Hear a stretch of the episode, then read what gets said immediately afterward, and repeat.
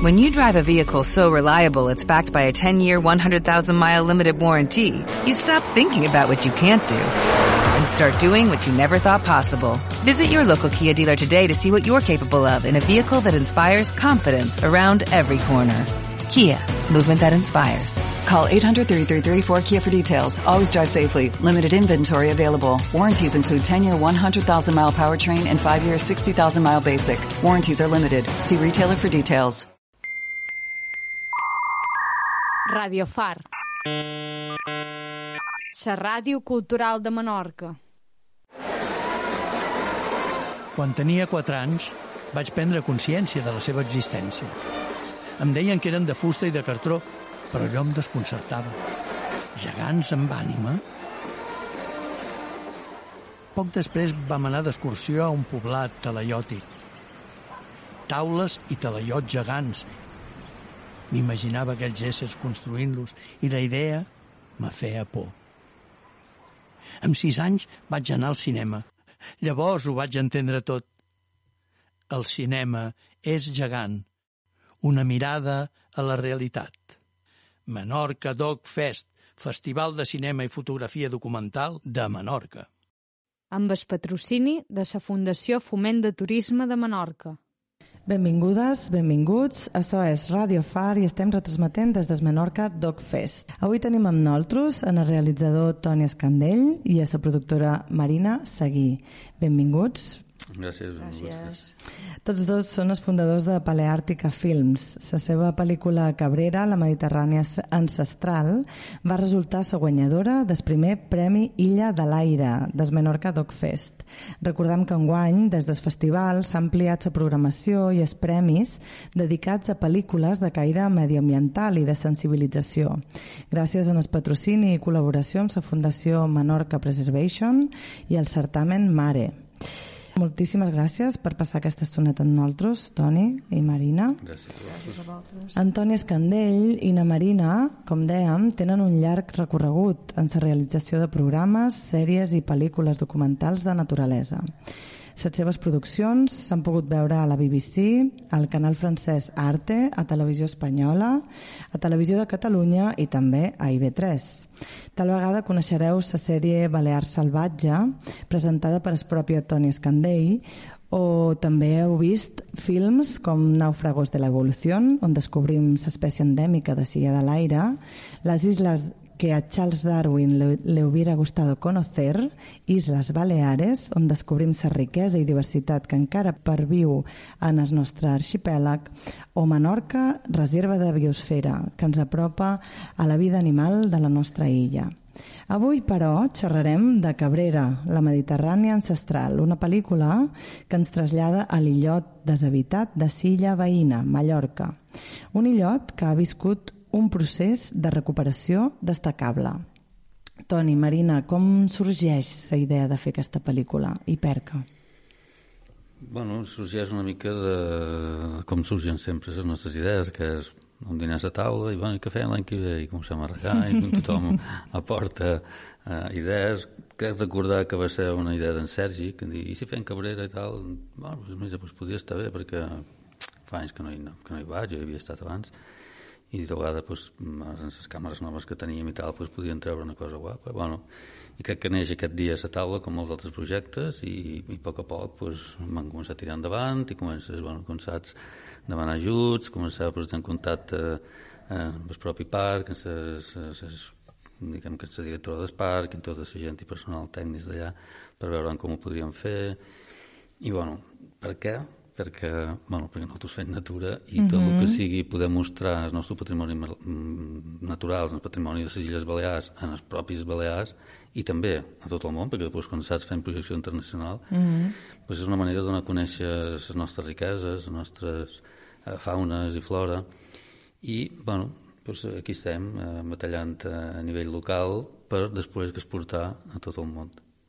En Sergi és un dels vostres fills? En Sergi és un dels nostres fills. Com Paleàrtica resulta una empresa familiar. Familiar, sí, sí, sí. Nosaltres dos, bueno, som els pares, eh? Uh -huh.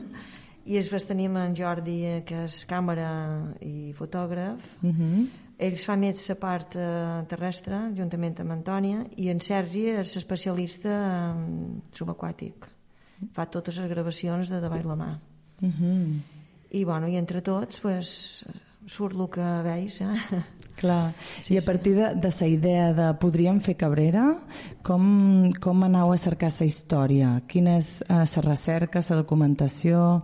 Uh, a més, en aquesta pel·lícula uh, recuperau un poc d'imatges d'arxiu on explicau uh, quina funció va tenir aquest illot.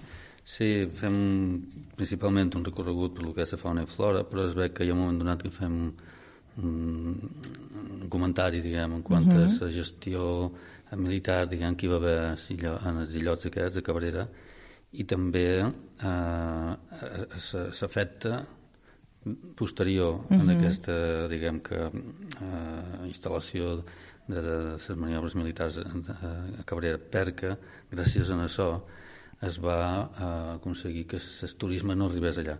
Si el turisme hagués arribat a Cabrera, hagués estat l'impacte sobre la natura, sobre els nostres endemismes que hi ha allà i tal, hauria estat molt pitjor que, que no mm, el que hagués pogut passar mentre hi havia militars, que en certa manera, aquí en els puestos on hi ha militars, aquestes zones solen estar protegides. Clar. Solen estar clar, molt clar. ben protegides. Bé, i en aquest cas, doncs, bueno, hi va haver una, una, un petit incís en el documental, però sí que xerràvem principalment de la fauna i la flora, com deia, i eh, bueno, part de la pregunta troc que era com...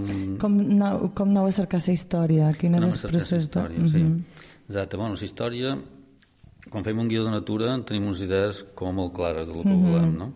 Però després tot això canvia. Clar. Canvia perquè la natura mm, no fa el que tu manes a uns actors, per exemple, fa el És que ella vol. capritxosa. Sí, és capritxosa, exacte. I te diré més encara, jo crec que el director de- d'un documental de natura és el propi subjecte, els propis protagonistes, uh -huh. perquè són ells els qui... Jo no els dediquen els ocells acció, Clar, clar. per exemple, no, un altre animal. Són ells que de sobte comencen a fer alguna cosa, no? i tu tens que estar allà a punt esperant que allò comenci. I després, el moment que ells comencen a fer és quan pitges el rec i comences a gravar. I, bueno, eh, a banda d'això, i ac- acabant amb la pregunta que me fes, doncs la història comença eh, una mica amb els coneixements previs que, que, que, que, bueno, que jo i també els al·lots tenim sobre el nostre patrimoni natural i pensam que allà podria sortir una història així i així. Quins són els protagonistes principals d'aquest espai? Bueno, pot ser la peixatera, el birot balear, mm. el buscaret balear, eh, la sargantana balear, altres, una, una mica de flora. No posem mai tanta flora perquè la flora, els mateixos canals de televisió són els que ens diuen no volem res de flora perquè mm. l'audiència ens fuig. No ven. Però bueno, en altres, eh, els nostres documentals sí que hi afegim o posam un mínim almenys perquè eh, bueno, s'ha de resaltar que és Clar. una flora també endèmica i única en el món. I bueno, quan tens tots aquest, aquest llistat de protagonistes, després has d'anar a, a, a, a in situ, en els, en els llocs on són, per filmar-los, no? Filmar les històries. Una de les històries que volíem filmar com a ocell o protagonista més emblemàtic de Cabrera és la peixatera. Mm -hmm. Però justament dia 15 de, de març vam haver de sortir d'allà perquè havia- va començar el, el confinament de la pandèmia Covid. Mm. Llavors, bueno, això ens va perjudicar bastant perquè vam perdre la primavera. Vam perdre la primavera i vam perdre aquest primers, eh, principi de la, de sa, del cicle de la, de la reproducció de segle peixatera, no? Mm. I quan vam poder tornar a entrar a Cabrera ja havia acabat, però casualment hi havia un niu que, bueno, que encara hi havia polls que ja mig volaven, però encara eren el niu i la història que se mostra de la peixatera és aprofitant en tres dies de rodatge això que van trobar i després ja no, va, no es va poder fer més bueno, i això el que també de dir és que el guió va canviant contínuament, contínuament, contínuament Clar, clar, i clar. el guionista, en aquest cas no, no vaig ser jo, va ser un, un Pere Garcia, un mallorquí Ahà. que és biòleg i també coneix bastant bé aquest espai i vaig, vaig estimar més que, un, que aquí es fes Que us conduís ell, no? sí. Mm. Com és que va tenir també la seva odissea perquè te va canviar el guió molt, molt. Clar, clar, I vam clar. d'anar canviant. Clar. I a nivell de producció, eh, tots aquests, eh, bueno, a part dels canvis que van ser derivats de la pandèmia, quan es planteja un documental de natura, eh, deu ser complicadíssim preveure els imprevistos i també eh, calcular o definir doncs, el que deies, no? per exemple, Toni, de quan es posaran a volar o quan apareixerà sa balena i està arrabats en el moment en què, en què han de sortir. Com es planteja un calendari de producció d'una producció com aquesta? Uh, bueno, se planteja un poc damunt el que saps que pots trobar durant les estacions de l'any on penses rodar, que normal, quasi sempre sol ser quan hi ha més explosió de, de, de, de biodiversitat o que els animals eh, estan així en, en aquell moment de, de que estan niant i tot això doncs, quasi sempre sol ser més la primavera es veu? Que quasi, bueno, és època de reproducció és sí. època de reproducció però bueno, eh, el que ha estat Cabrera eh, com que van tenir el confinament eh, l'idea va ser clar, que fa tots els mesos, diguéssim, des de gener fins a octubre teníem previstos, eh? Mm -hmm. Clar, eh, és molt mal de fer Vam preveure... Estar tancats, clar, Vam estar tancats i, eh, i ha estat una improvisació, la veritat, perquè ells van partir, van haver de tornar eh, històries que pensàvem que podríem produir no van poder ser, però després en van sortir d'altres eh? Mm -hmm. i bueno, la veritat és que el conjunt no ha anat malament el que és molt imprevisible un, un pla de, de producció eh, sembla que té rodes perquè clar, avui plou i ja mm. si tu has previst que de dia 1 a dia 15 de maig has de ser al camp aquell dia plou o ja has, has de mirar sempre el calendari mm. per exemple els passatges per partir, perquè nosaltres som a Menorca el que vam fer era en la previsió meteorològica, o sigui, estàs pendent clar, clar, si aquella clar. setmana plourà o no plourà mm. quan demanes permisos també demanes que per favor eh, sigui que un poc sigui més un llarg flexible, no? flexible, Perquè... que tinguin en compte que nosaltres som al camp que mm. no, no ets un plató que, mm. que va així però bueno... Complicat. Complicat, complicat però bueno, sempre mos, mos surten les coses, no, Toni, d'una manera o altra? I vos surten de manera bastant excel·lent. Uh, quan, quin, més o manco, quan sou d'equip a cada sortida? Com plantegeu un, roda, un dia de rodatge en Paleàrtica? Sí, depèn, a veure, sempre tenc que el nucli de, de Paleàrtica som nosaltres quatre, la mm -hmm. família, sí. i després, bueno, quan comences a veure rodatge o la postproducció, el tema de muntatge, color, doncs entre entren doncs, altres tècnics a formar part de l'equip, no? Però quan sortim al camp un dia de rodatge, depèn un poc del que vas a fer. Si, per exemple, hem d'anar a filmar un niu d'àguila peixatera, com, com ratllàvem ara, i de qualcú ha d'acompanyar en la càmera que entri dins una white queda la càmera allà dins i te'n vas, o sigui, la càmera fa feines del sol tot el dia fins que el vespre el vas a cercar una altra vegada mm. si aquest dia o un dia de rodatge doncs, volem fer unes grues de, de, de paisatge o d'una vegetació o d'alguns, ja som dos és un altre plantejament si anem a la mà doncs, hem de ser tres un, un Sergi que busseja un acompanyant per si cas eh, mm. digués alguna cosa bueno, doncs, d'anar de vora ell nedant un altre dins la barca eh, a superfície i bueno, depèn una mica del que facis però normalment normalment eh, solem ser dues o tres persones o una, dues o tres persones i puntualment com va passar la primera vegada que van anar a Cabrera van ser cinc perquè aquell dia duem pràcticament tot vull dir, el moll va quedar ple de trastos de, de, de grues i travelings i jo que sé el que van dur i menjar, perquè allà el que tenies és que Clar. anaves una setmana o deu dies a Cabrera i ningú te cuina, des de cuinar tu nosaltres acabàvem el rodatge que, que tornava fos havies de preparar el menjar per, per un sol demà havies de volcar les imatges havies de sopar clar, clar. i que quan eren les una, les dues moltes vegades quan t'acabaves i les sis o les set tornaves a aixecar era molt intens en quant a temps, perquè era Cabrera clar, clar. té una logística molt especial mm. o sigui que bueno eh, depèn un poc de, del moment de la situació i el dia que me comentaves ara que es, es càmera queda tot sol eh, fes treball de camp és precisament perquè l'impacte siguis mínim?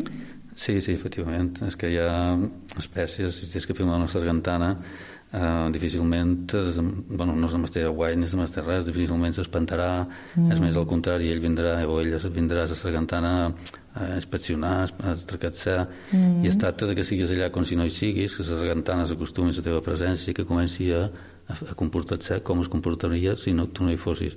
I que allà comences a enregistrar les imatges. A vegades hi ha sargantanes que, que tenen por que, que, que tenen, són tímides que no s'atraquen i, i ja ho veus clar dius aquesta lota, aquesta sargantana no, no vol actuar no? No, no hi ha manera. Canvies l'escenari vas a una altra banda i tal amb el cas de Saic la Peixatera doncs és diferent, el càmera queda allà dins té que quedar camuflat perquè si no no s'atracaria Saic la Peixatera Clar. aquest amagatall previ, prèviament l'has fet més en fora, després el vas atracant o és un amagatall fixo diguem que dins una mata mm, que està a prop del niu per dir alguna cosa, que hi ha un dels nius a Cabrera que, que és així i, i, bueno, i pots arribar entrar i començar a fer feina no? i ja t'he dit, depèn una mica de, del protagonista Aneu desenvolupant diferents estratègies no? d'intervenció en funció de, de lo que Sí. enfrontau. sí, Sí, però sempre amb el mínim impacte, vull dir que, no, que els animals mai se sentin qui som, saps? Mm. Clar, clar. De no molestar, de no fer malbé el moment de l'animal, no, no fer-li por, vull dir, tot això mm. has d'anar molt en compte, no calcigar les plantes... Eh, bueno, tot, Sí, sí, sí. eh, el que duim també de, de, D'equip, d'aquí, tècnic, de material, no deixar, etc. no deixar fems, totes aquestes coses, vull dir, eh, dur la teva cantimplora, no fer... Clar, no clar, plàstics, bueno, intentam ser molt ecològics amb tot, eh? Molt respectuosos. Sí, que és el que toca ser Clar, quan un Clar. Està en la natura de ser um, respectuosa, amb, mm. no cridar, no, bueno, el que fem que a vegades anem al, hi ha gent que veus que va al camp i crida o fan mm. aquestes No, a, Cab- coses... a Cabrera fins i tot tenen eh, com a norma entre els visitants que no poden ni cridar ni xiular ni fer... Bueno, hi ha unes normes bastant estrictes que està molt bé que es faci així i però Clar, bueno, clar. són les normes que nosaltres per ètica diguem Ja les teniu més que incorporades. exacte, sí. Sí, sí. La vostra tasca a Menorca i a Balears és gairebé única. Heu esdevingut com els narradors del documental de natura aquí. Uh, ho, ho vau preveure o saber veure així o com va sorgir? Jo crec que no. Jo crec que va ser un, un poc casualitat arribar fins aquí, tot i que ho he cercat, perquè mm -hmm.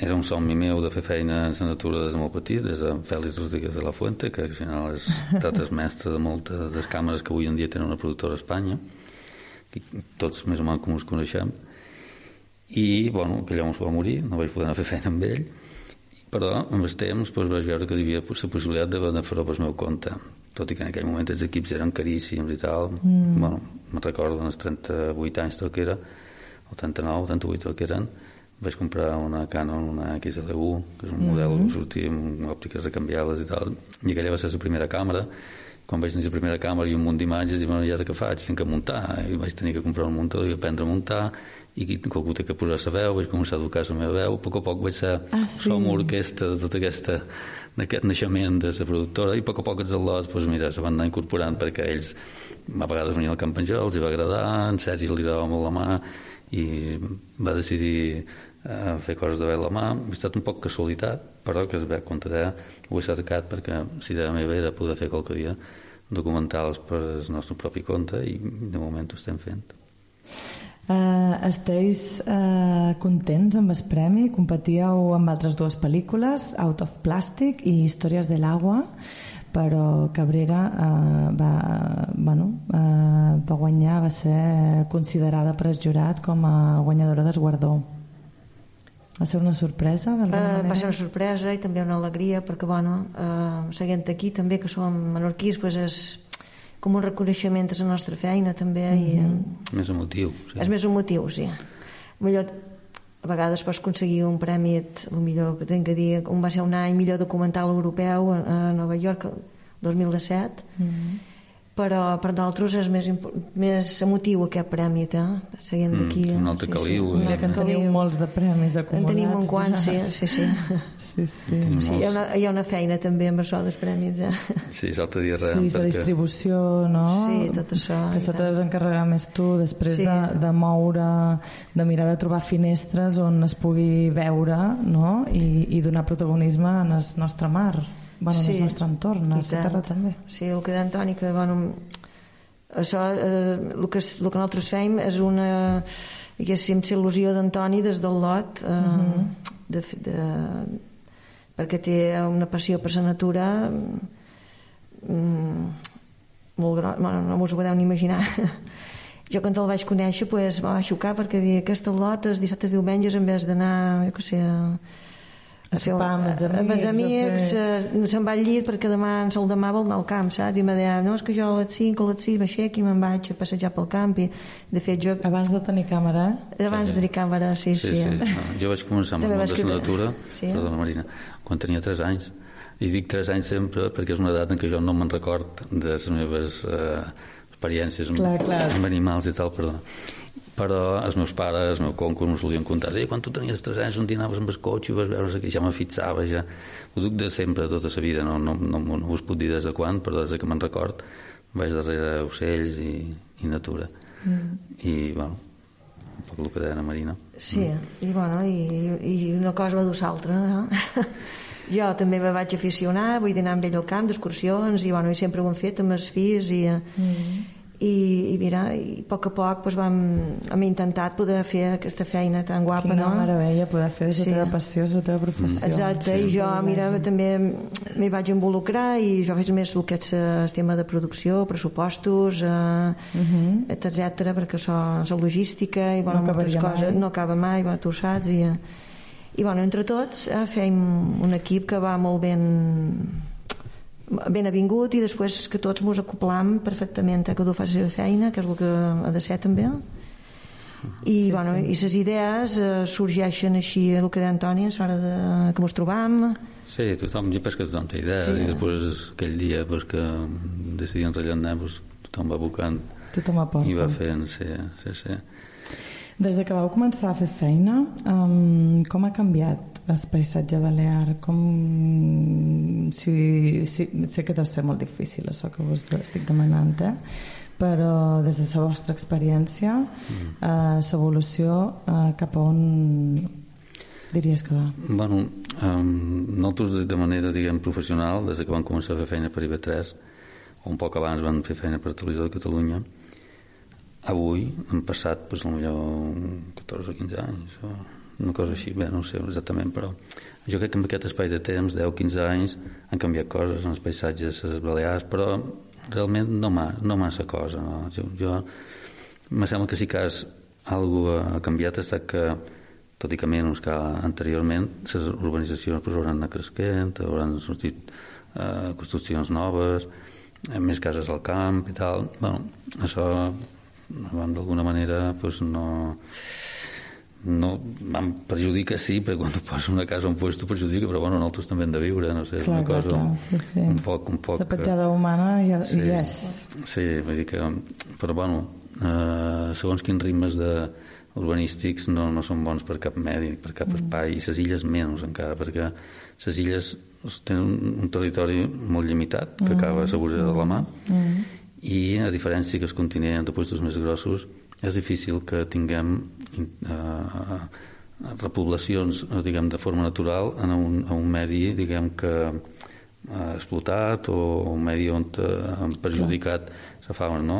Allò quan desapareix és molt difícil tornar-ho a recuperar. En el continent no és així.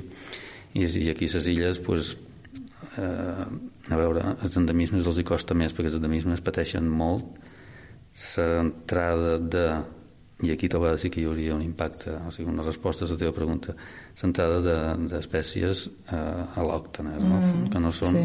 que no són de les nostres illes ara mateix i quan dic ara mateix són mm, alguns anys però vist des del punt de vista geològic és ara mateix mm. que s'ha introduït a Mallorca eh, sos rentador que és el mapatge en castellà mm.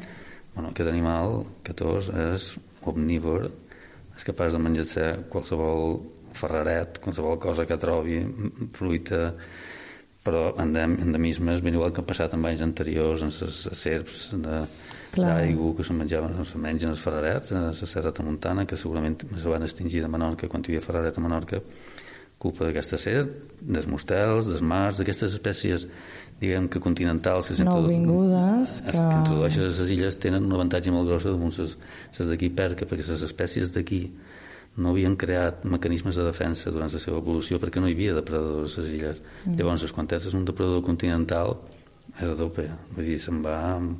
Tenen menjar fàcil. Sota tot per davant, Sí. tot el que pot. Sí, mm. i aquí és on aquest impacte, junt amb el turístic que rebem abans, on les, les urbanitzacions i tal, i la, fa, la manca de protecció d'alguns territoris que se Clar, solia de fer, clar.